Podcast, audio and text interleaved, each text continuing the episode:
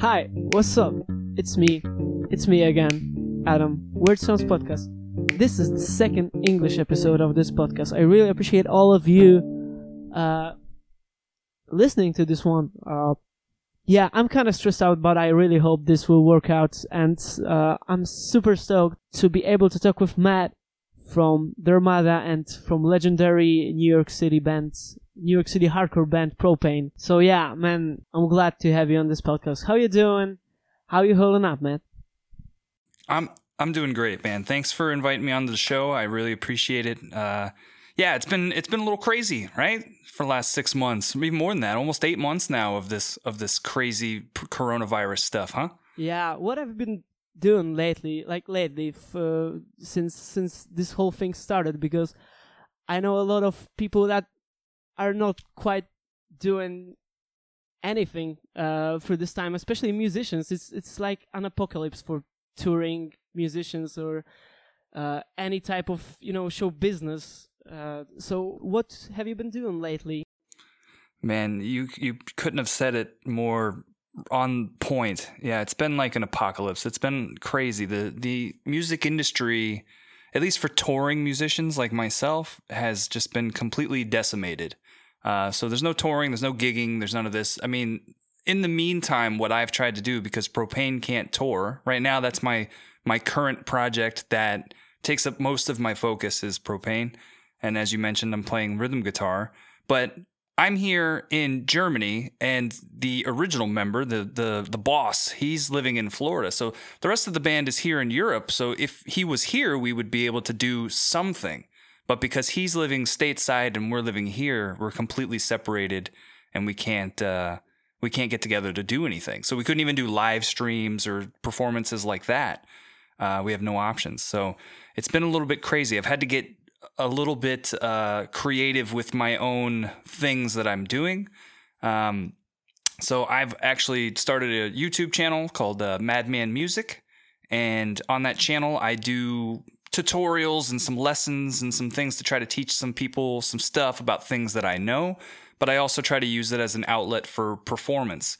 And I make things like music videos or sometimes do live streams where I'll just play through an entire record. I just recently did that. And uh, so just trying to make use of the time like that and to grow something that that can still work for me even though this time is a little bit creative and restrictive. Uh, this time's a little bit restrictive for us, you know. Uh, but that's been about it.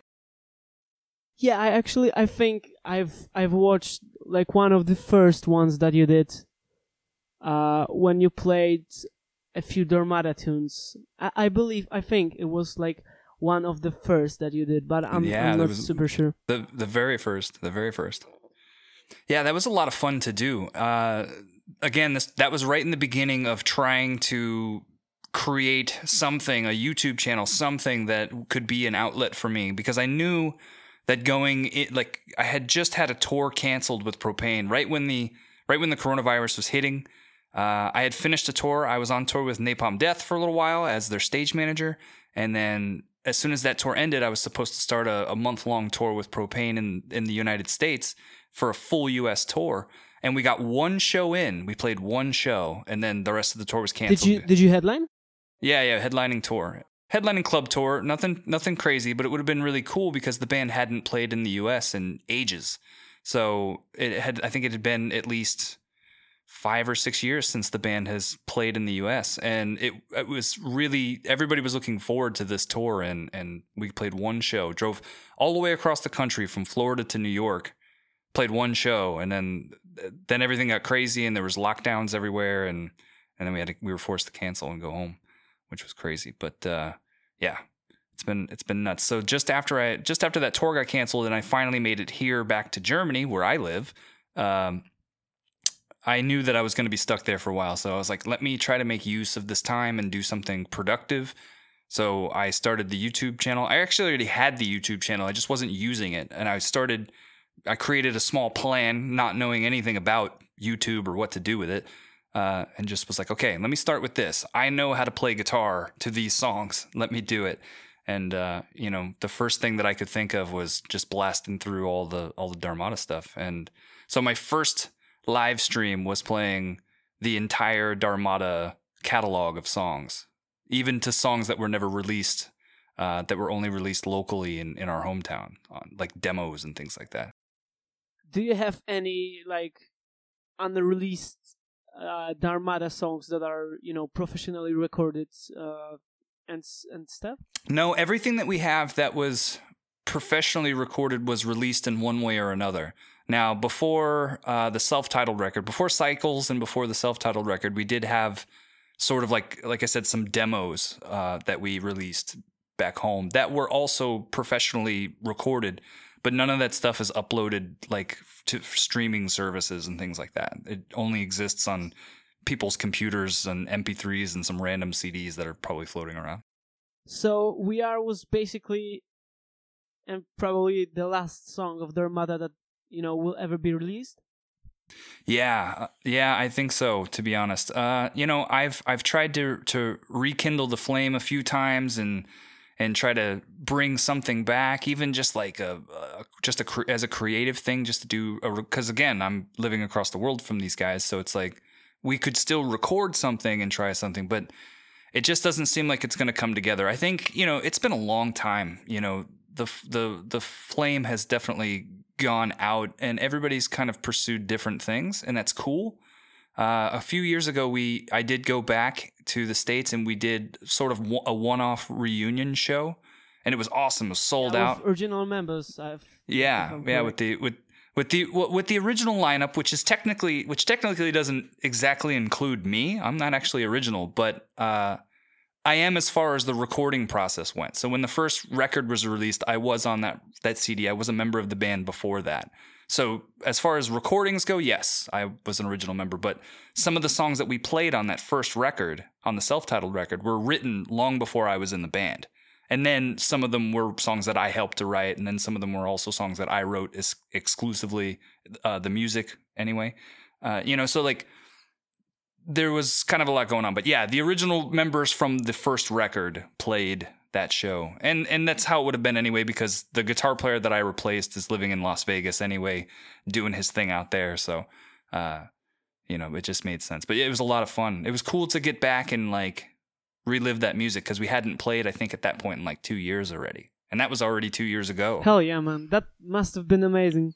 You know, I was jamming "Do It Again" like literally ten minutes ago, and it's still a goddamn banger. And uh, yeah, listening to to this one was a throwback for sure.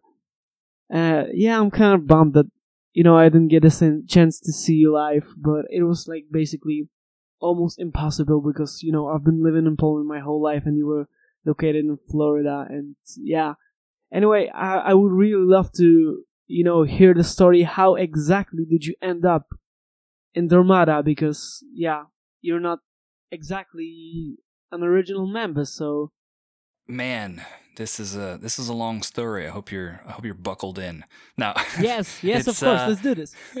it's uh it is it is a little bit of a complicated story, but I joined Dharmata because I was a part of a music scene in West Palm Beach, Florida that is very incest- incestuous, right? So incestuous means that we're all everybody is blending together. Everybody from ev- there's a member of every band in in every band. So and that's kind of how it was for us. Uh, the long and short of it was that when I first started playing in my own original band, uh, this band was called Murder in Motion, and it was like a metalcore sort of band, like a very melodic, kind of very heavy metalcore band. And over time, over some years, I think the band existed in its original lineup for like two or three years, and then it started to sort of crumble a little bit and it fell apart. And in that time, we made some progress making a small name for ourselves in South Florida. Now, just in South Florida, this isn't a, a large area. It's not like we were, we didn't even have a, a real record. We had a few demo songs that we put out. This was before all this stuff was very easy to do. Like now it's kind of easy to do all this stuff. The home recordings are very simple to do, but then it was very difficult for us to get this kind of stuff together, you know? Um, but I started with that band, and that was my own original band. I wrote most of the music, and it was my main creative outlet. But while I was in that band, I met a few other people. Uh, there was another band from Orlando that was a huge influence to anybody that was in the West Palm Beach music scene called Endorphin. And the guitar player Adam Phillips uh, had went on after Endorphin sort of disbanded. Adam went on to come down to West Palm Beach. Him and his wife lived in in West Palm Beach, and uh, he started sort of an experimental heavy metal band called Two Inch Tapeworm, and uh, and it was just completely instrumental, and it's just off the rails, complicated, just ridiculous music that almost doesn't make sense, but sounds great. It was awesome. And while I was in Murder in Motion, uh, Adam had asked me a few times, like, "Hey man, do you want to come come play with Two Inch Tapeworm?" And I'm like, "Dude, I appreciate it, but I'm I'm just really focused on what I'm doing with this band, you know, because I really thought that Murder in Motion was going to be the band that I got huge with, you know, and all this stuff. As as you do when you when you love something so much, you just think that it's gonna it's gonna take off, you know. So after some time, uh, the band sort of stopped functioning correctly and didn't really work well. And um, so a couple of the members decided they didn't want to do it anymore. And it was our drummer and our guitar player, our rhythm guitar player. Um, and at the time, it was like, you know, there weren't really any options to to replace them, you know. And there was a lot going on. Life at this time was a little crazy. This was, you know, we had uh, our our sort of like our uh, our economy crash and all this stuff. It's like so we had some years where it's like the economy was going up and down for a little while and things were very uncertain. Jobs were hard to find and when we were doing these bands everybody has to work a real job. Nobody's doing any of this stuff full time nobody's making any money from this you know so it was really difficult. Anyway so there was a time though that when the band fell apart i was sort of stuck in a situation where i didn't have anything going on. Uh, i was actually uh, I had uh, I had just recently started a job. I think I was there for I was there for within one year, and somehow they because the economy was sort of crumbling again at the time, and and the stress at the workplace was also kind of heightened. They were having trouble. There was a time where they had to cut my hours. They're like, look, we can only have you work two or three days a week or something like that. And right when this was happening was also when another friend of mine uh, had a, his band. His band was called uh, My Amends, my buddy Devin. Uh, and right at the same time, his band was scheduling a full U.S. tour. Right now, these guys are also little local guys. Um, they played. I played tons of shows with these guys with Murder in Motion and and uh, and all this. And I've known Devin since we were kids. And so it was really cool when at that time he was like, "Hey man, why don't you just come with us on the road. You can just help us. Like I didn't play, but I was just it was my first sort of roadie gig, my first uh, technician gig. And I was like, yeah, cool, let's do it. You know, he's like, yeah, you'll have to do some merch, sell some merch. This is kind of normal. And uh, and I know a lot about the inner workings of guitars and amps, so I really put that to use with keeping their gear up and and then helping them with stuff. But this tour as awesome as it was for the experience that we got because we drove across the entire country and we got we went from coast to coast from one ocean to the other and every place in between truly an awesome experience driving around in an old rickety van you know just a bunch of dudes doing the doing living the dream as you would say right uh, but it was a tough tour because it wasn't really prepared correctly, not by these guys, but by the company that was preparing the tour, the booking agency, and all that. Like the headlining band dropped off the tour after the second show, and it was like, uh, we're sort of stuck out here, and and we have to do the rest of, you know, we have to play these dates, you know, because we're screwed if we don't if we don't perform. This was the point.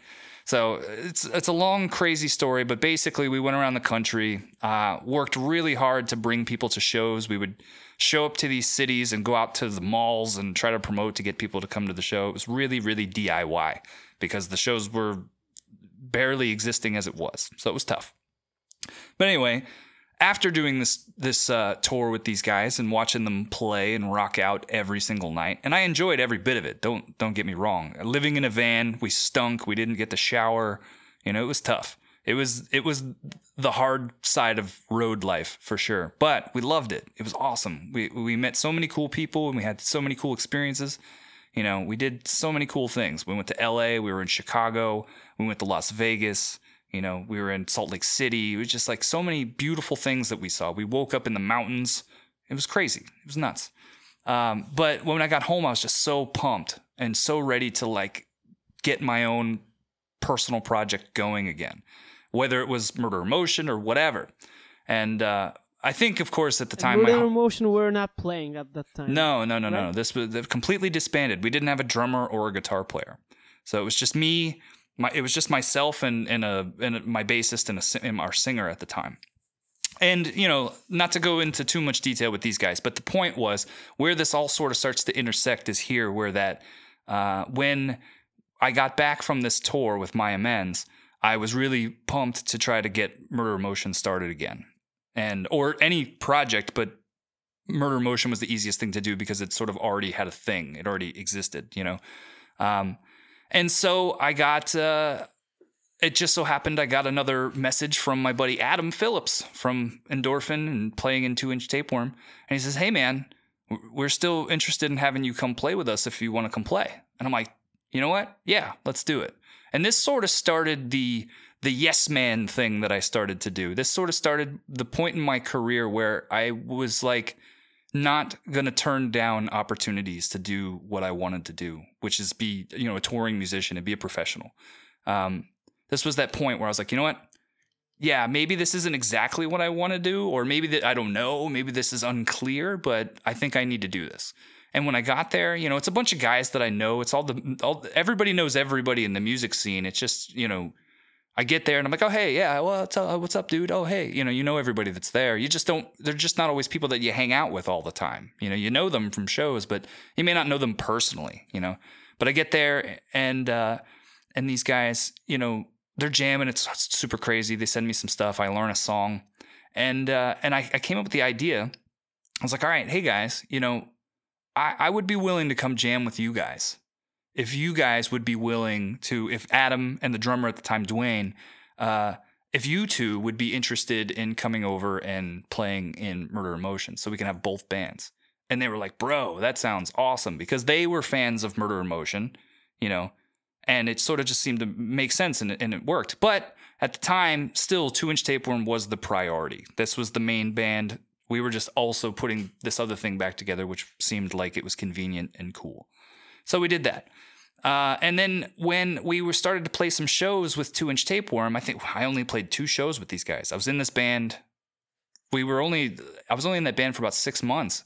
And after like the first month, we already had some shows booked and we were ready to go. It doesn't take long. The music was already written. I just had to learn it, so I did that. And uh, so we played our first show. It was cool. We played a second show, uh, and the second show was cool. Whatever show, awesome, great performance. It's always fun to play. Uh, but in the audience, in the audience was another uh, West Palm Beach showgoer, another band guy, and that was uh, Chris Peranio from uh, Dharmata. and and uh, so Chris, after I played that show, not thinking anything of it, Dar- Dharmata was actually not really on my radar all that much. You know, I knew of them, right? I'd seen them. They they opened for Nonpoint, which is another big Fort Lauderdale band. They're huge, uh, good friends of ours, and you know, I knew of them from that, and I'm like, yeah, these guys are cool. They're doing the, they're doing the, you know, I want to say the radio rock thing. They're going that route where they're trying to make songs that are made for radio, but still rock, you know. And I always appreciated that from them, but I was doing something different at the time. I was in this metal thing. I was so metal, blah blah blah blah blah, you know. And here I am, even in Two Inch Tapeworm, playing this weird experimental metal that's just crazy and mind numbing. It's nuts, you know. But uh, yeah, Chris wrote me after that gig, and he was like, "Hey, man, you know, I know you kind of got a lot going on. You're doing the two inch thing, you're doing the Murder in Motion thing, but you know, we just recently parted ways with our guitar player, and we have like six weeks of shows booked every weekend, right? Just weekend gigs. You know, we have like six weeks of shows booked, and uh, we were curious if you would be interested in filling in and uh, playing those shows with us." And uh, I was like, "Yeah, man, sure," because again, like I said, this was the time when I was like this is what I'm going to do. I'm going to say yes. I'm going to agree to things and I'm going to try stuff. Even if it's not in my wheelhouse, even if it's not what I thought was ideal, I'm just not going to say no. I'm going to do it, you know, because this is probably the right thing to do. And sure enough, it was. You know, I uh, went and played those six shows with them. Uh, one of which I think at the very end of this little run was was a local festival. It's an annual festival in West Palm Beach called Sunfest, which is a huge festival. Like in in attendance on a daily basis is upwards of like ten to twelve thousand people. It's a fairly sizable uh, festival show. Sometimes I think it's even more than that, to be honest. Correct me if I'm wrong, but wasn't the video from Do It Again filmed on that festival? I'm not sure, but I think I saw like some videos from. No, actually, but you're close. Okay. uh, no, Do It Again was recorded at the at uh, it's called the Buzz Bake Sale, which was another festival. Like the radio station there was called 10, uh, 103.1 The Buzz. Okay, my bad. And no, all good. And they would uh, and they would do an, an annual festival also, uh, where they would have a bunch of the bands that normally they play on their station. And we we got to headline the smallest stage there. It was tiny, but it was awesome because we were perfectly slotted for that show that we were playing when no other band was playing. So we had the entire 5,000 person audience like just focused on us because we were the only thing playing. It was it was magic. It was awesome. And at that time, we also had some people with cameras, and they came around and they videotaped it, and it was awesome. Uh, the festival that I'm talking about was about six or so months before that festival, and it was right at the end of that little six week period that I was filling in with them, and uh, and it was cool because it was the biggest show that I had ever played at the time. You know, festival show on a big outside stage, huge sound, a, a real a real monitor to hear myself on stage. I was like, I don't even know what to do with this thing. I've never had a monitor before. I've never been able to hear my own guitar before. This is weird, you know. Uh, so it was pretty strange. Uh, huge yeah, stage. Like, Unfortunately, every single local band that you know have have a possibility to play on some like oh, you yeah. know bigger bigger stage is yeah, exactly sure. the same. yeah, yeah. There's there's always that that point where you uh you know are suddenly realizing all these things that should be pretty normal that they're and they're not. You're like, oh my god, a monitor. I don't know what to do. What what what do I put in it? Should I have my should I have my voice, the kick drum? I don't know. Like I don't know what to put in this thing. I've never had it before. I don't know what it sounds like. You know, so it was weird. But uh, you know, we got through the show. It was cool. Uh, it was a fun time. And after that little six week period, the guys were like, "Listen, dude, you rock you you you got what we want for this band. Do you want to come in? Do you want to be a member?" And I was like, "Yeah, I do." Cuz again, I'm not saying no. And at this time it wasn't really about not saying no. This time was like I spent 6 weeks with these dudes.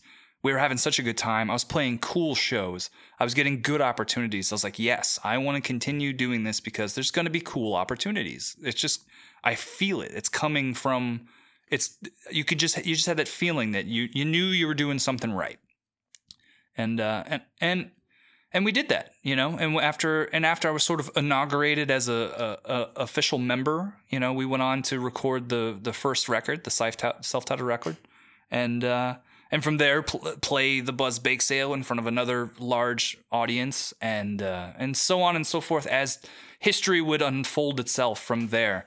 You know, um, we would play cool stuff, release records, you know, we toured all over Florida. We didn't really, I think we, we only got outside of Florida once, to be honest, but Florida's big. It takes like seven hours to drive across Florida. So there's lots of people that live there. You know, when you live in a, a country like Germany, it's like, yeah, you know, my state is relatively the same size as this entire country, you know, so there's lots of people here. so, uh, you know, we, we got around we, and we were doing pretty well with some stuff, but you know, I guess the next question would be, you know how how did it all sort of start to come to an end and uh, how did yeah. the the Dharmata train start? Yeah, yeah, that's exactly the question that I wanted to ask. So, how do you feel about you know?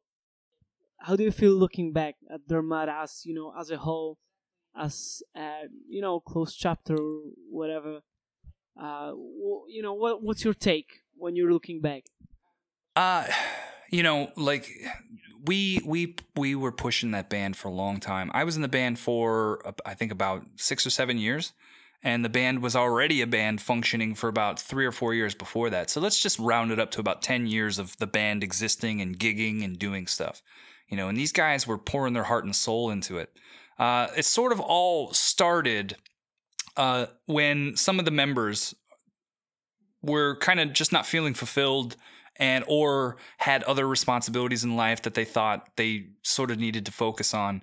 Uh, our drummer JC, he you know he has a daughter, and at the time he was like, "Look, man, you know we're away every weekend. and this is when I get to see my kids, when I have time to hang out with my daughter, and you know, and it was just at a, a really, really important age for his daughter that he just needed to be there as a dad, you know. And how do you you can't argue with that? We're like, bro, of course, you know, like, dude, we get it, you know, but unfortunately that was sort of the beginning of the decline you know because at that point we after that we had uh, drummers that were coming and going. I think after that we played with like three or four drummers uh, over the next couple of years. And not not long after jc decided to bow out uh, our bass player kevin also decided to bow out because he either wasn't feeling it or just something was happening you know the, everybody had a lot of stuff going on personally in their lives again like i said the times were volatile. Everything was a little crazy, you know. So it just wasn't working for him anymore, and so he decided to bow out, you know. And at that point, we asked our friend Steve, my buddy Steve. I would say our friend. He's everybody's friend, but he was my friend. He's been a friend of mine since I'm, uh, you know, about 15 years old. We've been playing music together. Uh, lifetime, lifetime friend, uh, Steve Buchanan. Uh, he played bass in Murder in Motion with me, and uh, you know, just always sort of this the coolest guy sitting on in the back seat. You know, just he's always there. He's ready to go. You know, never doing, never really standing out, never jumping at things. But if you called him up, he'd be down. He'd be ready to go. So I called him up. I said, "Steve, superhero come bases. play with Dharmata Man." Yeah, it's it's exactly shout what it out is. to you know? Steve, by the way. Yeah, shout out to Steve. Shout out to Kevin too, because Kevin rocked, man. Kevin brought the the fire to the stage. You know what I mean? So you know, but when Kevin decided Shout out to all Dharmata guys. Of course, right. Cheers from Poland. I'm I'm a huge fan. You know. I'm sorry. You know, keep so there was a lot of love, and the thing of it is, is nothing nothing was on bad terms, and I think that that's this is the point that I need to sort of make. You know, nobody left on bad terms, so nothing was bad. It was just, look, this isn't working. I got to do what I got to do, and we all understand that. So it was cool. We were lucky that Steve was able and available to come jam with us to keep the the ball rolling for us. You know. And so at the time, again, like I said, we were jumping from drummer to drummer. We had a few. Uh, Dwayne from Murder in Motion came and played drums for a little while. We had uh, our buddy Don Cadman from Orlando. He plays in Soul Switch and a couple other cool bands. Um, and we also had Ryan. Ryan came and played with us. If you've seen some of the the second time that we played, well, it's not technically the second time, but the second time that I played Sunfest, Ryan is playing drums with us. Uh, and he was actually the drummer on the Cycles record. And that was awesome. Ryan's a great drummer. But even he was like, yeah, dude, you know, I got other things I got to do. I'm going to go, I'm moving to Nashville. I'm going to go pursue the studio musician life or tour from there and do some things like that. You know, so it just, it just seemed like it was really difficult for us to keep members, you know, especially drummers. We, you know, Steve stuck with us. He was hanging out. He wasn't going anywhere, but he didn't, he wasn't really equipped to to leave and go on tour if the band got huge. But maybe, maybe if if the situation was was right, we just wouldn't know until we got there, you know, and that's cool too. Um, but yeah, that was kind of it. Once the drummer started coming in and out, it, it started to become really difficult for us to keep momentum. Uh, we put the we worked through the Cycles record, and then we started to do you know our quote unquote touring for the Cycles record you know, where we are playing gigs as, as often as we could across Florida, you know, in the region.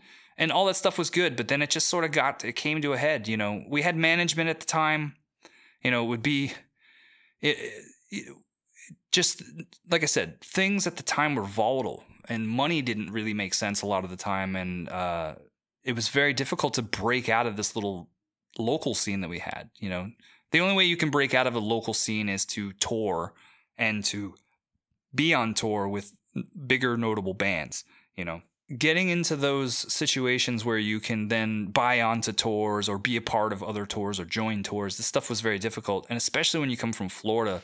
Florida is this little state that sticks out the side of the country that a lot of tour cycles just totally ignore because it it's so it takes such a long time to get into those areas. It's just a, it's truthfully like honestly it's a waste of gas in most cases that they don't want to drive into Florida and to do stuff. So we the people in Florida missed out on cool tours and cool festivals and all this stuff because they just were like, no, we're not going down there. We're we're only going to play for so many people, and it it takes us. It's going to be an eight hour trip just to get there and back. It's crazy, you know. Um, so we had a lot of that kind of going for us, going against us rather, you know. So it, we weren't able to get into these touring situations. And then again, like I said, we had our lineup that was changing all the time. So this made it very difficult for us to keep pushing forward with the band, you know. And then I think it just sort of it just got to that point at one point where we were just like, all right, this is it. You know, let's play let's get let's give it one last hurrah. Let's play one last show and let's hang it up. And I think we were everybody was ready. In fact, you know, we hinted at it quite a lot to be to be honest. The insi- the entire Cycles record if you know what Jay is talking about in his lyrics, the entire entire Cycles record is about the band quitting, kind of. yeah, here and gone. Yeah, here sure. and gone, exactly. Is right. the one that came up to my mind at first. Yeah. yeah. here and gone, and especially if you've seen the music video for here and gone, long you way know, down as well. Yeah, the, the yeah. music video is like it, w- it it had like goodbye vibes all over it. So oh yeah, yeah, yeah, for sure. Because we, I think we kind of saw it coming, you know, and and we wrote these songs way early. You know, it's like this is before, this is when Kevin was still in the band with us. So it's like this was just after JC had left when we when we did that record. So we kind of knew early on that it was already the beginning of the end, you know. And and then also it's it wasn't exactly that. So I don't want to say that Jay wrote these these lyrics to specifically foreshadow the ending of the band, but they were sort of parallel. There were things that were kind of going along the same vein, you know, and uh, and and it just sort of made sense. Maybe this is just how Jay was feeling. When Jay was feeling this way, he wrote words about this kind of feeling and stuff like that, and then they they transposed to the record, you know. I'm, and to me, I still love these songs. You know, like the I was a the Cycles record was a was a record that I can explain it like this. Chris was at the helm of the the creative process for the first record, for the self-titled record. That was Chris's record and and he did a fantastic job. He kicked ass just like managing it, just making sure that it that everything was the way that he wanted it to be, you know. And uh, and the Cycles record I think was more my record that was more in in in my wheelhouse you know uh, i got a lot of my ideas out there and stuff like that and i think that i i think it was my baby. Whereas the first record was his baby the second record was my baby. Um, you know so i'm really proud of that record and it sounds great you know it, it's it, the the songs came out exactly how I, I, would want them to come out you know. Yeah i really um, dig that album and actually it was the first you know because of cycles i found out about dharmata because the first thing i heard from you guys uh, was pursuit of perfection which is of course the first single. And yeah, it's it's it's a great record, and I'm you know after a few years, I'm I'm still coming back to it from time to time. Yeah, definitely, you know, that's cool. Great man. record. That's cool. I appreciate that. Uh, what I love the most about the Cycles record, again, like I said, it was my baby, but this was, in my opinion, th- this is where I was coming into the band with a clean slate, right? So I mentioned before the the first record, the self-titled record, there were a lot of songs that were that existed before I was in the band, right? So this was the first time that I was able to be a part of the entire creative process, the creative process, the writing process. You know, I did have a few songs on the first record that I was a part of that writing process, like Echoes, you know, and The Drift. These were songs that I was able to give some of my creative uh, influence on. Um, but Pursuit of Perfection, it's kind of interesting you say that because when, when I was in that six week period of just joining the band, I was really inspired, right? When I was playing with these guys. And I was writing some songs on my own. And one of the riffs that I wrote in the first six weeks that I was playing with Dharmata was the was the main riff for Pursuit of Perfection, which is pretty interesting. You know, and then for it to and, and the didn't it didn't grab, it didn't catch, it didn't make it on the first record the band wasn't feeling it, you know, or whatever. It just didn't it didn't gel, it didn't happen. And I'm like, cool, it's in the back burner. It's in the it's in the the the vault of riffs, you know. And uh and then when we were started doing the the pre-production for the Cycles record, it came back up and we're like, all right, and then it stuck that time, you know. And then it wound up being the the first single for the record. And uh and it was a lot of fun. We did a music video and and we had a really good time with it. I'm glad it came out the way that it did. I mean, everything I think has its time. I think this is the sort of the uh, with with Dharmata in general. You know, I think I grew up a lot in Dharmata, even as a person, as an individual. You know, just to accept some things. You know, uh, and one of the things that I think that the band represented the most for me in the end, if I was to look back, was say that it taught me to to accept it and to go with it. It's just like and be okay with what's happening. Like again, nothing that we did was on bad terms. Nobody left. There was never I mean, sure there was there was arguments from time to time. There was things that didn't really, you know, not not every day was perfect for us, but most days were. Yeah, it, it happens in the band. So yeah, yeah, I mean, it's bound to happen at some point, but I think most days were pretty awesome, and I think that we had a really good vibe and sensibility about us, and uh, and that was, I think, one of the best parts of being in the band was just I was with dudes that I really felt like were my bros, and we were all really motivated. Where I've been in bands in the past that had motivation for certain things uh, none of it was really put to use in the way that it needed to be. So this was the first band that I was in that really made it like a priority to do what we needed to do to succeed in any way that we did. Now, again, we weren't trying, I mean, we were trying to be out there. We did want to get out, we did want to be rock stars. We wanted to be rock stars, of course, you know, but uh, but we were very sensible about it. We understood what we needed to do, and we understood when it kind of came to the point that that was out of our reach, and we didn't really, we didn't really waste a lot of extra energy on it once we realized that. You know, there's that saying like don't don't kick a dead horse, you know, or something like that. You know, like we, uh, you know, and that's kind of just where we were. We were ready at the time. We were just ready we had we had had a long hard road at that point with the band and we really really gave it the best we could and we were just ready to take a break and we did and and then again we, like i said we came back and played that one-off show a couple years later uh, and that was awesome really great to kind of like cap it off because again we played with kevin and we played with jc so we had that lineup back and it was just like a that was really a, a really bittersweet that was like the official farewell really. Even though it took two years to make it happen that was the official like man this is what we've done. This is what we i mean we went into that show just doing nothing but appreciating everything about what we did as a band and our entire experiences all of our experiences together you know? So that was uh that was kind of it. Okay so after Dharmata disbanded and you had no plans for for the band moving forward. Uh how exactly you get it did you get in touch with with Pro-Pain? And how exactly the whole thing with with Pro-Pain started? Here's another interesting story.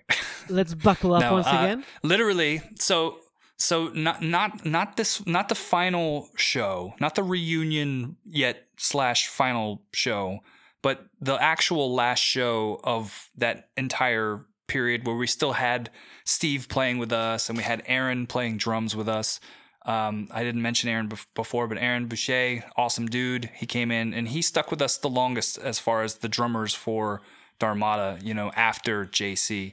He was with us for, I think, a, a good nearly a year, I think. Um, and he did a great job. Phenomenal drummer. And so the last show that we played as that with that lineup, um, after I got off stage, you know, everybody hangs out. It's everybody's friends, you know, you know everybody in the scene. So we're we play a show, we're done by midnight, but we don't leave the venue until four in the morning because we're all drunk. You know, you know it goes. But uh, we're outside, and my good friend, my good friend Adam Phillips, who played with me in Murder in Motion and also in Two Inch Tapeworm, at that time, I didn't mention this before, but Two Inch Tapeworm, uh, the members consisted of Dwayne, Adam, myself, and then also this dude Marshall on bass. And at the time when we were in Two Inch Tapeworm, Marshall was the rhythm guitar player of a band you might have heard of called Pro-Pain. And so that's how it happened. When I when I walked out, well, how it happened was when Tom Klimchuk decided he didn't want to be in Pro-Pain anymore. Marshall, because he was in a band with Adam, because we're all friends, was like, Adam's a phenomenal lead guitar player. Like, I don't, i I'm pretty positive I don't know of a single guitar player that's better than Adam. Adam is the top, right? This guy is amazing. Uh, musicianship just through the roof. It's insane. And, uh, and I, I'm flattered that he was, he ever thought that I was, you know, good enough to play with me or to play with him. Like, I can't even imagine.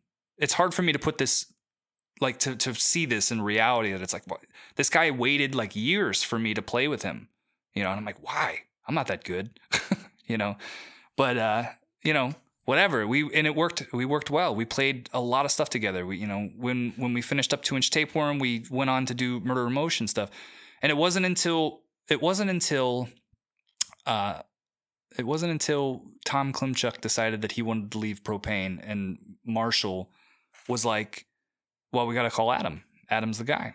And that's what they did. Adam went in and he he took the helm as uh, as the as the Pro-Pain lead guitar player, and it was awesome. Those guys toured and they did really cool stuff.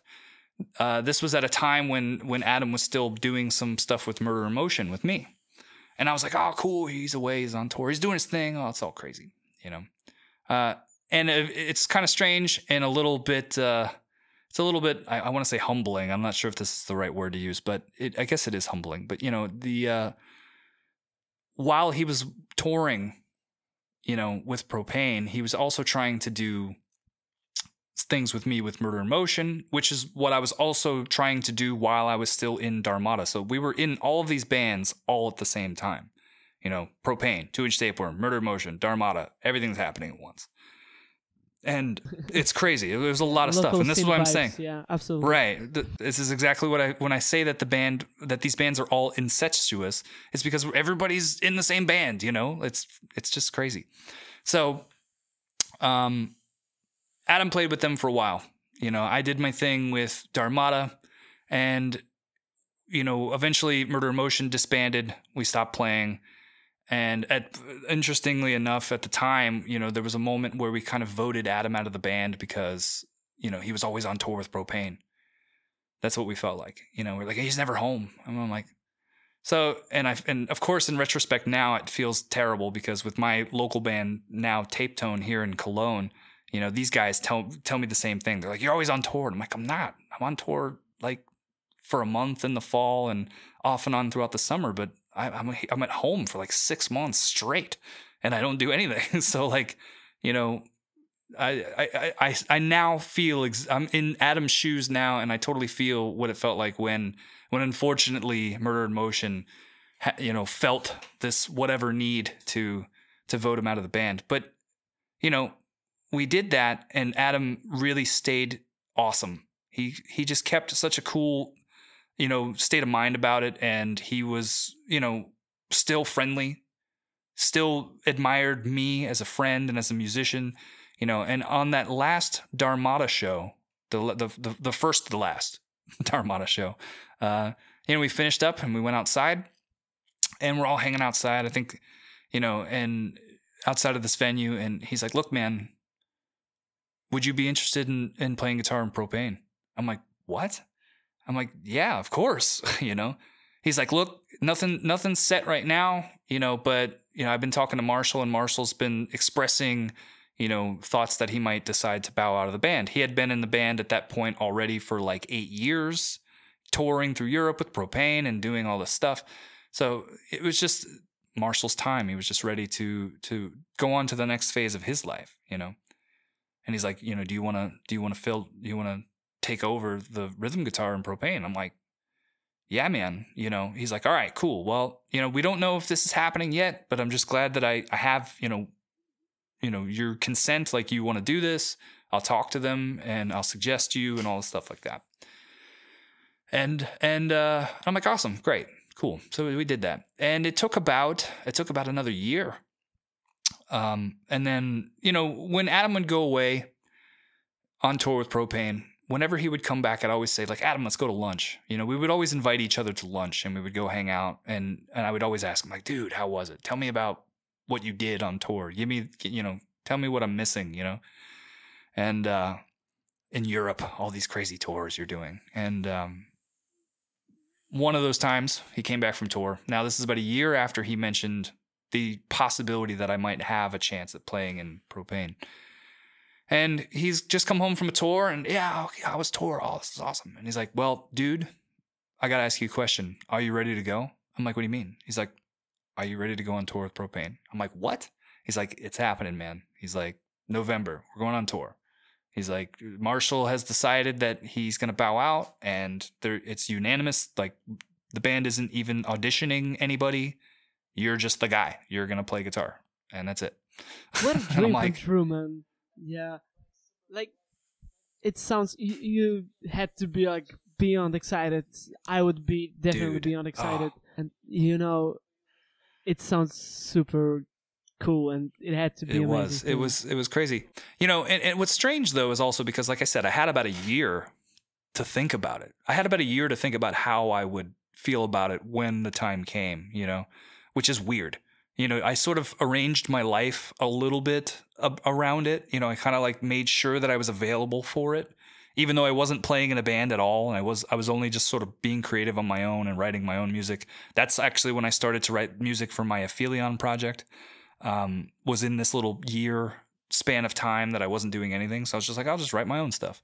Um, and so, yeah, but nothing, nothing, I feel like nothing really still could have prepared for me, could have prepared me for the, uh, for the actual question. You know what I mean? And, uh, and when he asked me, I was like, crazy, crazy. So, you know, the band rehearses in Belgium. So I had learned all the songs while still in Florida. You know, uh, at the time, Adam was living in, in West Palm Beach also. So we got together and we would work on the songs, just playing along to the, the record. And Adam's like, we play these songs way faster than the record. So be prepared for that. I think I was playing along with some YouTube live videos too to try to get an idea for the flow of the songs and everything.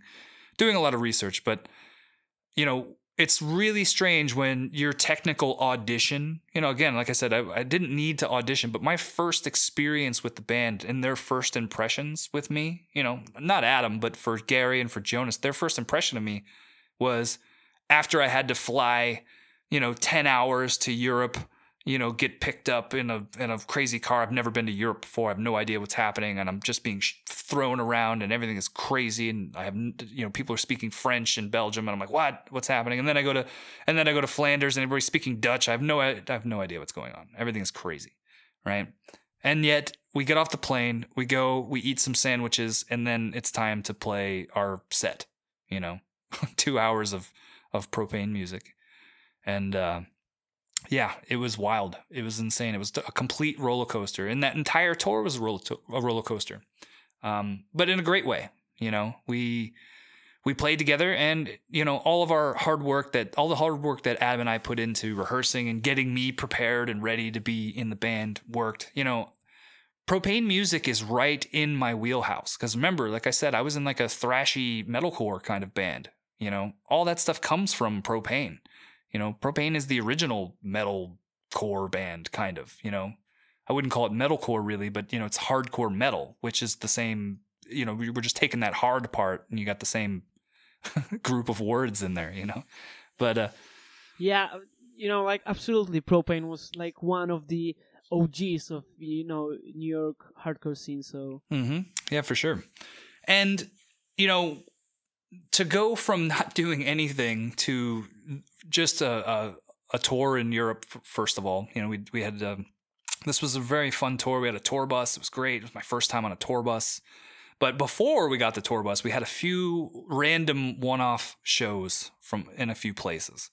Uh, my first show with Pro-Pain was in Duisburg, um, at Pulp Live, which is crazy because it sounds like it would be like some kind of a fun, like discotheque kind of place. And I guess it was that, but it was in like the building that this club is in is in a it's in an old castle, like an actual medieval castle. You know, it's insane. dude, like I can't imagine better first show with like a band.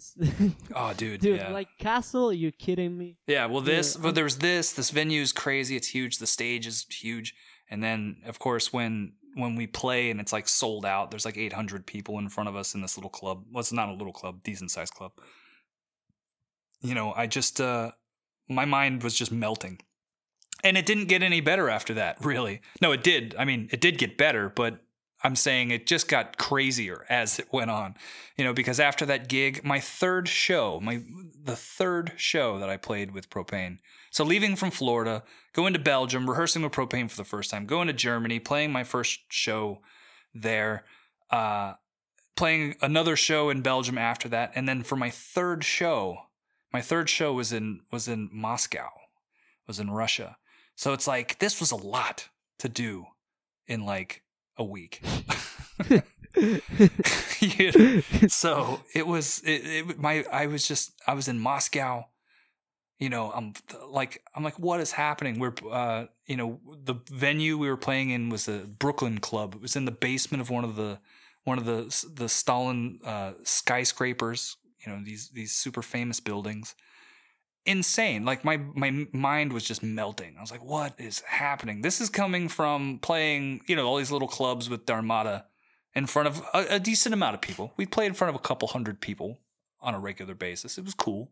You know, this seemed you know feels big to you know just just monstrous monstrous things with with Pro-Pain. You know, you almost can't. You really can't. it's like going from the little leagues to the major leagues you know, in one fell swoop. Yeah. you know, I find this this whole story like just super inspiring. Really, really inspiring for you know a young musician who you know who's who thrives for for live shows and you know all all of this stuff. So I'm glad it happened to you.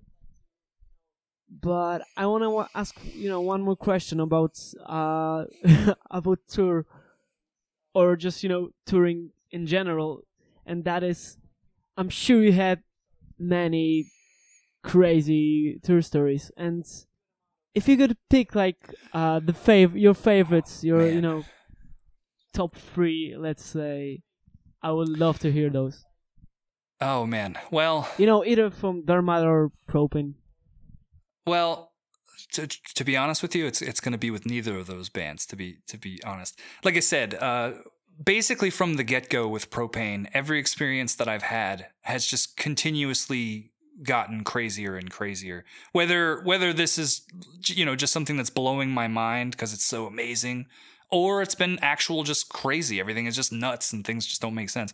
You know, we've we've just there's just always a that's just how it is. That's just par for the course in Pro-Pain. This is just that's just in the job requirements. Is every day is going to be fucking mayhem you know and it is and it's awesome. It's controlled mayhem. We we take care of ourselves and we do ex- everything we need to do. We show up to our gigs and we rock out every single night. You know everything is great. We have a blast doing what we do. Um you know but we have a routine also so it just sort of turns into what we do you know? And it wasn't uh the, the when it comes to craziest uh sort of uh experiences and i can't really even chalk it up to one to be honest. Um but I have to say some of my most memorable and some of the I want to say the funniest or craziest in that regard are when I was on the road with Napalm Death uh, earlier this year. Um, again, like I said, I was with them as a as a stage manager, so I was helping with you know gear and taking care of stuff. Um, and while we were on the tour bus, it was just the, this whole tour package for the campaign of Musical Destruction 2020.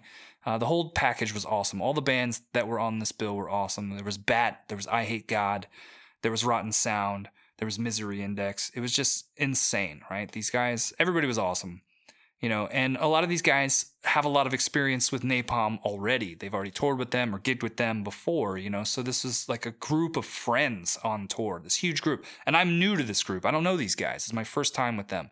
And uh, so I got to got to know all these people that sort of already all knew themselves. But Barney, uh, the singer of Napalm Death, man. Like him and him and these guys, they would they didn't play pranks per se on each other, but they would like they would say, "You're not going to eat that. You won't you won't drink that," and they would give each other like you know the disgusting thing to drink.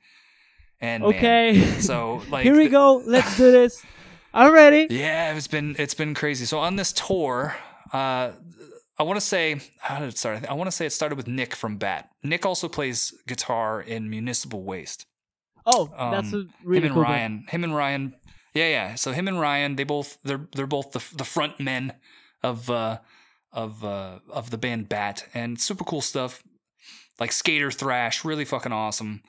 A lot of fun, real up, real upbeat stuff. And just Nick has again, like I said, Nick, you know, has this has this um experience already with with Barney that like these guys will dare each other to eat stuff. And I think, you know, the pinnacle of what was supposed to be eaten on the tour was like an actual fried pizza box. So a pizza box that was fried in fry oil, right?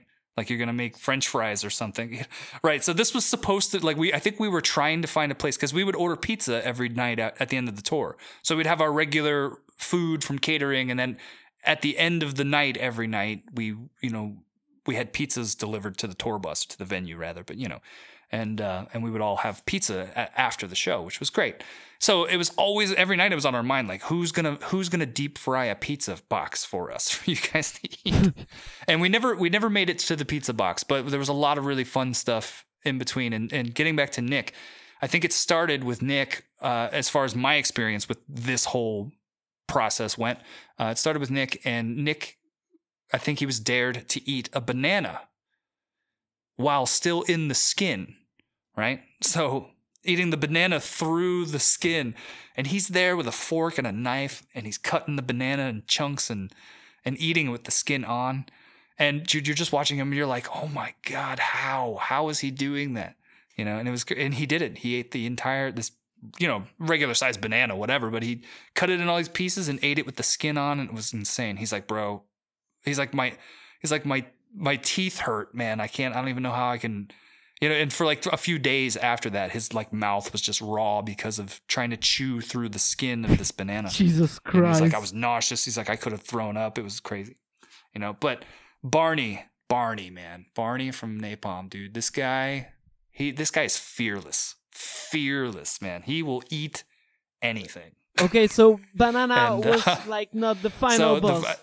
oh my god. No, no, no. It gets it gets way worse than that, man. but uh, the at that at that point we're in the we're in the lounge of the bus. That we just finished a show. Every, every night when we would finish a show, everybody would come back to the bus, and the spirits were always high. Everybody was always having fun. It was always good. And uh, and that's when all the jokes and that's all, when all the tomfoolery starts to to come in. You know, everybody. It's the day is done. This is our five o'clock. We're all done for the day. You know, and uh, and I think I want to say it was Nick came in and dared Barney, uh, said that oh you won't you won't drink this entire bottle of like sriracha. I can't even say it right. Sriracha sauce right? So hot sauce right? Big of like a big big you know I want to say like a 500 milliliter bottle of hot sauce. It was huge. And and Nick was like you won't you won't drink that. And sure as shit Barney pops the top off and just starts guzzling hot sauce, an entire bottle. And it, dude, he's like, he's like, he's like, fuck that, I'm doing it. Boom. And he did it. Like, Jesus Christ. dude, like it was nothing. Like it was, like it was like Coca Cola, man. oh Just, my god. just nails it. It was insane. And I'm just, I'm, my mind is blown. I'm like, these guys are in, these guys are fucking nuts. I'm like, I don't want anybody to dare me to eat something, man. I'm gonna, I can't do that. You know what I mean? Like, You know, from all of the stories that I've heard during this podcast, this is probably my favorite one. oh like, man. what the actual fuck? Jesus. You know, these kind of stories, you know, they are making touring way more, at least for Oh, yeah. me, way more, you know, exciting and interesting and crazy and, of course, Yeah. crazy in a good way. But yeah, it's the best. But you have to be also, you know, just tough, and it's it's also pretty hard. the thing about touring is it takes a certain like type of person, a certain like personality, um, and a certain tolerance because every day is going to be difficult. There's going to be days like when you're on a tour bus, you might not get a shower every day. You know, when even if you're not on a tour bus, for instance, Pro-Pain generally doesn't tour with a tour bus. We tour in, with like a van, and we have hotels every day, so we get showers every day. But we also feel every minute of the travel that we have to do because we sleep in a bed, which is nice, that's not moving, and we get a shower in the morning. But then we have to get up early in the morning and we have to drive to the next city, which could be you know four, five, six, eight, nine, ten hours away. Kind of, you know, we have these times when you're stuck in a van for 10 hours and then you still have to play a show. Like you still have to get out, you still have to sound check, you still have to go through the whole show process. So this is this is the not fun Yeah. part. But would you say that it's like the show moment is worth Oh, yeah, of really course. comfortable stuff?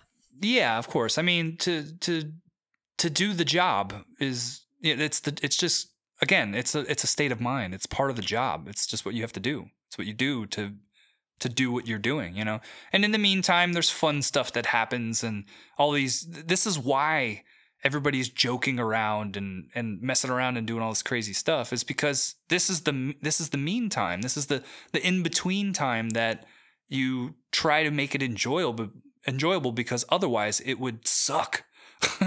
you know, it's 10 hours stuck in a van, like crammed in a van. You can, but you have to get there. There's no stopping. I mean, you stop, of course, you take your breaks and everything, but I mean, like, you have to do it. There's just no not doing it. You have to do it. So you're just the the I want to say the the negative side of touring, if if you really want to call it a negative thing, it's just the fact that it takes tons of tolerance and patience, uh, and realizing that it's like you're going to be in a lot of uncomfortable situations. Most of them are going to suck, but you're going to try to make the best of them. You're going to try to make it cool, you know, and you do that. You do that by having a a, a good personality, and you do that by being positive, and you do it by making everything, you know, uh, work as well as it can for you. Yeah, absolutely. You know what I mean? Absolutely. Um, unfortunately, uh, you know, it's we're a little bit over an hour, so we're gonna we're gonna wrap it up like slowly, but still. So, what are Pro-Pain's plan for the future? If you know, if the future lets you to to do whatever that Ooh, whatever that is man. you're planning. Yeah, right now, I mean, we've been talking about it for a while, but we we are desperately due for a new record, and we have been in the process of writing for this record. Um, so this is the next thing on the docket. It's what we've been working on right now in this off time. We've all been writing riffs uh, and putting things together. So now we have a decent catalog of riffs that are coming together, and Gary will then now he's been working on trying to arrange them into and put them into song structures and and write lyrics and everything for them. So because that's sort of how the the how it works. You know what I mean? Like we will send him some riffs. He also writes riffs himself. He's a great musician. Uh, you know, so it's like he he just has this big vault of riffs that he can pull from, and and then he just picks away at at wrapping those riffs around the words that he writes. You know, so. Uh, that's the next plan for next year. We're definitely gonna have a record next year. It's definitely we've been saying it for a while, but now it's definitely happening because there's this is it. You know, we usually we have And we, this will be your first studio record with, with Pro-Pain, right? it'll yeah it'll, it will be my my first studio record with the band um which is cool that's great but like i said that's like like i said though the style of Pro-Pain is already in my wheelhouse. It's it's it's very natural for me in this band. Um playing rhythms or whatever you know. In fact we talked about for this record because now we have greg. Adam has since left the band uh, about two years ago now and greg desenja came a, a belgian uh, from Charleroi. This dude's awesome, and and Greg is an amazing guitar player. He plays he played with uh, Jonas, our drummer in Pro-Pain, in uh, their band Coma. So that's where we know Greg from, and he's come on, and we've been talking about for this next record to do something different and have two lead guitar players on the record because I'm capable. I'm not. I mean, I don't play any leads. I play one or two leads live with with Pro-Pain, but I think we're we're really interested to dabble in the idea of having like dual lead guitar players where we can kind of bounce off of each other. And again, like I said, Adam, we always wanted to do it with Adam. We always talked about it with Adam. Adam was always very, very supportive of me being able to do that, but I just could never play against this guy. He's just too good. He would play something awesome, and then I'd be like, bear, bear, dare, dare, and it would just sound terrible. so, uh, but yeah, not to take away from Greg, because Greg is a brilliant guitar player also, but I just think that Greg and I's style, our lead styles, are a bit more parallel to one another. They just sort of, uh, I think they match each other a little bit better, in my opinion. I don't know, you know, but it's an idea that we're, I think we're going to try. So can we expect some sort of I don't know, maybe kind of uh, as I lay dying harmonies, dual leads, some type of stuff, or it's a, a different kind of leads. Yeah, maybe there there could be some stuff. I, I the thing of it is is you know again you look at you you hear the the sound of As I Lay Dying is quite different than ours, but I think that there is definitely room for us to do some very cool stuff. If if anything, there will just be some cool question answer kind of stuff. There's always harmonies in rhythm riffs and things like that, but as far as like lead stuff, I don't know. Maybe it, I I wouldn't I wouldn't say no to it. I'm sure that it, there's the possibility that we could do sort of a dueling lead thing together. That would be fun. Uh, you know, but yeah, I think that the I think the next record is going to really be a cool like staple for the band. You know, the Pro-Pain has gone through every change since its inception as far as music style goes. And I think, you know, its lineups have only ever gotten better and better and better and, and more capable and uh, and the band has really stayed true to the to the times while still keep like really changed with the times while still staying true to the the sound of the band you know and uh, I really think that the next record is going to be it's going to be the perfect 30 30th anniversary gift to ourselves i think because the band celebrates its 30th anniversary next year on in 2021 and uh, that's just insane. Well i mean i've i've only been with the band going on i'm going into my fifth year soon and uh, yeah but still it's you know, you know big, it's it, but to be a, a part to be a part of like the a legacy that's like this is is really insane. It's it's been a really fun road and i'm still really like every day I appreciate the fact that I have had these opportunities and still have them. You know, I really hope that things do clear up for us all soon with this coronavirus and not being able to tour and to gig and stuff like that. I really hope that we figure this out. Everybody that's listening, please wear your masks and stop making out with random people so that we can stop the spread of this shitty virus. Uh, you know. yeah, but, uh, absolutely.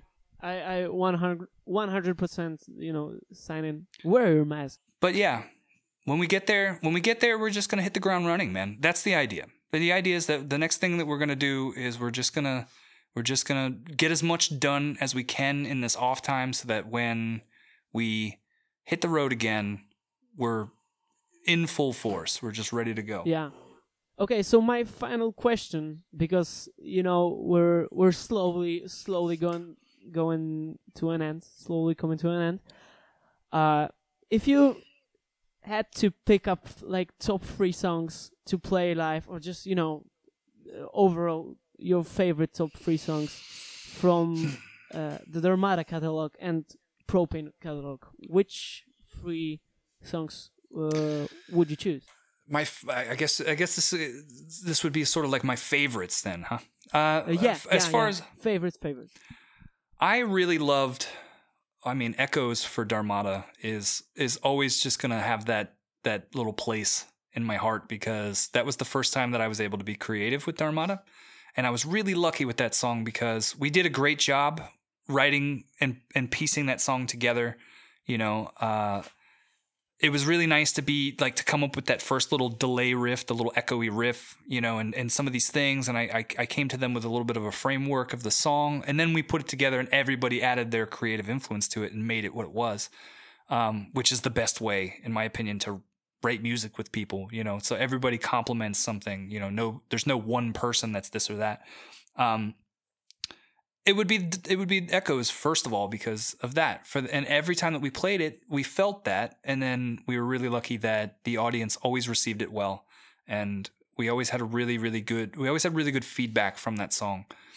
Um so yeah echoes for for that. I think i mean there's a lot of Pro-Pain songs that i love. Uh let's give it let's give it two dharmata songs and one Pro-Pain song The second, uh, the second song I'd have to say that I wish we played live more was "The Reveal." I really love that song. This song was a, it's way, it's really melodic, and it's actually I don't know, it, it almost it's almost like not a Dharmata song, but I think this was when we were trying to be a little bit experimental. Again, this is another one of these riffs that has one of these little echoey delay riffs that I do that that sort of became a little bit of a staple for me in Dharmata, using this little delay riff. Uh, where the guitar is echoing back really hard. Um, very U2, the Edge style guitar playing.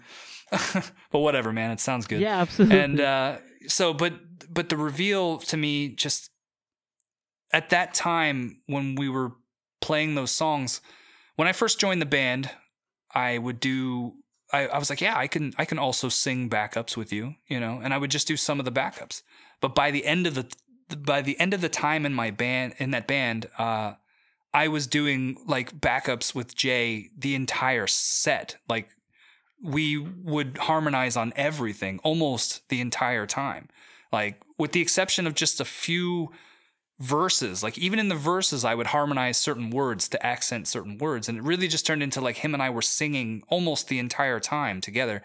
And the reveal it being the last song you know, on that record and all this means a lot to me because that was a song that him and I sang together the entire time. You know, there was no point in that song where Jay sings by himself. You know, we were both singing, I'm playing guitar and singing, you know. And to me this was like this culmination of of coming to that point in my musical skill that I was able to play guitar and sing at the same time. I'm not saying I did it well, but you know, we we got through it, man. We pulled it off, and I was I was happy with what I was able to to contribute to the band with my vocal abilities. You know. Um, yeah, you, you also, if I'm correct, I think you did screams as well, right? Yeah, any any of the songs that you hear hard vocals, screaming, uh, any of the Dharmata songs that have that, that's me. But uh, because they, you know, when we were in the studio for the first record, there came to some parts that were like scream kind of parts, or Jay was like, "Man, I really want to scream there." And I was like, "I, I can scream." And they're like, "What?" Get in the booth, and I'm like, "All right, cool." I actually did, uh, you know, some backing harmonies on a few songs too. On Chemicals, I did some backing harmonies. Now in the studio, most of the time, your lead singer does all of their own harmonies because his voice is just going to match to his voice better anyway. But uh, when we were in the studio for Cycles and in the first, well, because like I said, I did all the I did the screaming vocals in on the first record, uh, but in, and and I also did that on Cycles. I don't know. I think we had just one or two songs that had some screaming vocals, but uh, but I was also doing some singing vocals too. And uh, interestingly enough, Brett Hestla, who we recorded with for the Cycles record, he is also on a few of those songs singing. Uh, he's on Chemicals. He does the the backing uh, vocals and chemicals, the harmony vocals and chemicals, which is pretty awesome. Brett Hestla from Dark New Day. It's pretty amazing. Um, but yeah, it was a really cool time to do that. So uh, again, like I said, Echoes, The Reveal. These are the two, probably my two favorite Dharmata songs for two very different reasons, but still cool. They, I think they're connected in some way. And for Pro-Pain, Pro-Pain, man, there's a lot of songs that I love. Uh, I want to say man, you know, uh, I'm gonna give you I'm gonna give you a a song that I think is to me was is sort of like it's not like an underdog song or something, but it's just for me a song that I wouldn't have expected to connect with so much. Uh, the whole set is thrashy and hardcore and just heavy as balls. Every just everything is awesome. And in our encore, we play a song called Johnny Black. And I, I I don't think that I ever expected to connect with that song so much. It's an older song. It's from the Foul Taste of Freedom record, which is the first record from the band. And I don't think I ever expected to really connect with that song the way that I do. Um, but I think after playing it live for a handful of years and realizing, first of all, the sound, as soon as it gets into the verse, it's just full blown thrash, right? And I'm a thrashy guy. I love to play thrash really fast stuff. I came from my influences are like And Justice for All, Metallica, you know, like this kind of thrash. So, and this song really, uh, like I loved it already because of the the thrashy vibe. But then, like when we play this song live, it's just, it's just a relentless circle pit for the entire song. You know, it's just insane for the entire song because you know it's from Foul Taste of Freedom. You know, we have lots of old school fans. All they want to hear is stuff from Foul Taste. And when we play Johnny Black, they just go fucking bananas, you know. And uh, and so I want to say that that's probably one of my favorite songs from Pro-Pain. I mean, again, every song that we play live is awesome to me. You know, we the the live set that we have is just it just it's unrelenting. It's just banger after banger. Uh, where we don't we literally take no breaks it's song song song song a lot of the songs segue and connect together you know so it's like three songs in a row that don't stop with no breaks in between them. It's an hour and a half of just like just face bashing metal and it's insane. Uh, so it's tiresome. It's di- it's difficult to play that. You have to have some endurance but uh, but man uh, like like i said it's unrelenting. And and one of my favorite songs to play with them is johnny black because it's old school has an awesome vibe and it's thrashy and it just makes the audience go bananas. Okay, I see. Man, I'm. Oh man, I I wish we could talk a little bit more because, uh, you know, all the stuff that you you you just told was really inspiring to me as you know as a young musician to hear that story from you know playing local shows uh, at West West Palm Beach to playing festivals like Graspop with Pro-Pain. It's it's really amazing, and I'm, and I'm glad uh, you were able to you know to achieve all of this. And thank you very much. Thank you very much for recording this for recording this to me with me. Uh, like I said, I'm a huge fan of Dharmata. Uh, I'm also, you know, trying to get to know more of Pro-Pain catalog uh, for some time now. And yeah, just thank you. Uh, I really appreciate it, and it was really inspiring. So yeah, Awesome, dude. Well, you're more than welcome. I appreciate the invite to come and talk about it. Uh, yeah, man. Anytime, holler at me. yeah, thank you, man. I, I really appreciate that. And as always, I gotta thank you all for listening. Uh, I really appreciate every single one of you. So yeah, thank you for, you know, sticking, sticking with me and listening to me talking about music. It really means, it really means a lot to me. And yeah, I guess that's it. So yeah, thank you, Matt. Uh, thank you very much. Awesome, And, dude. Thank you. uh yeah once again thank you for every everyone who got to this part yeah uh have a great weekend and uh, cheers guys Remember when we thought we held the cards? Never were, that's why it feels like falling.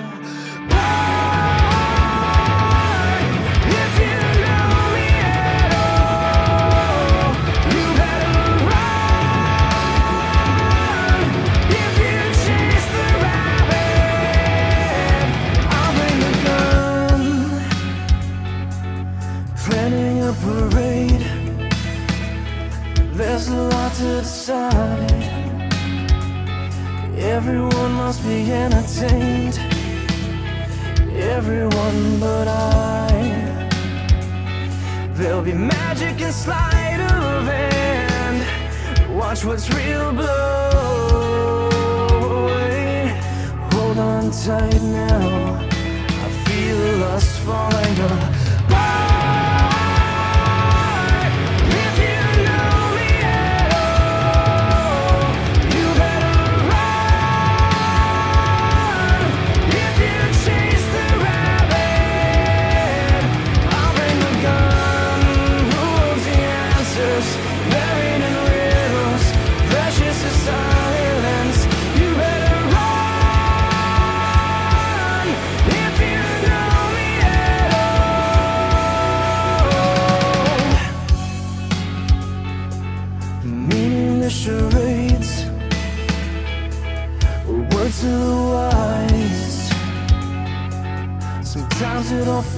Same. That's when everything dies. For just one moment, I paused and watched the world blow away. Have you seen it?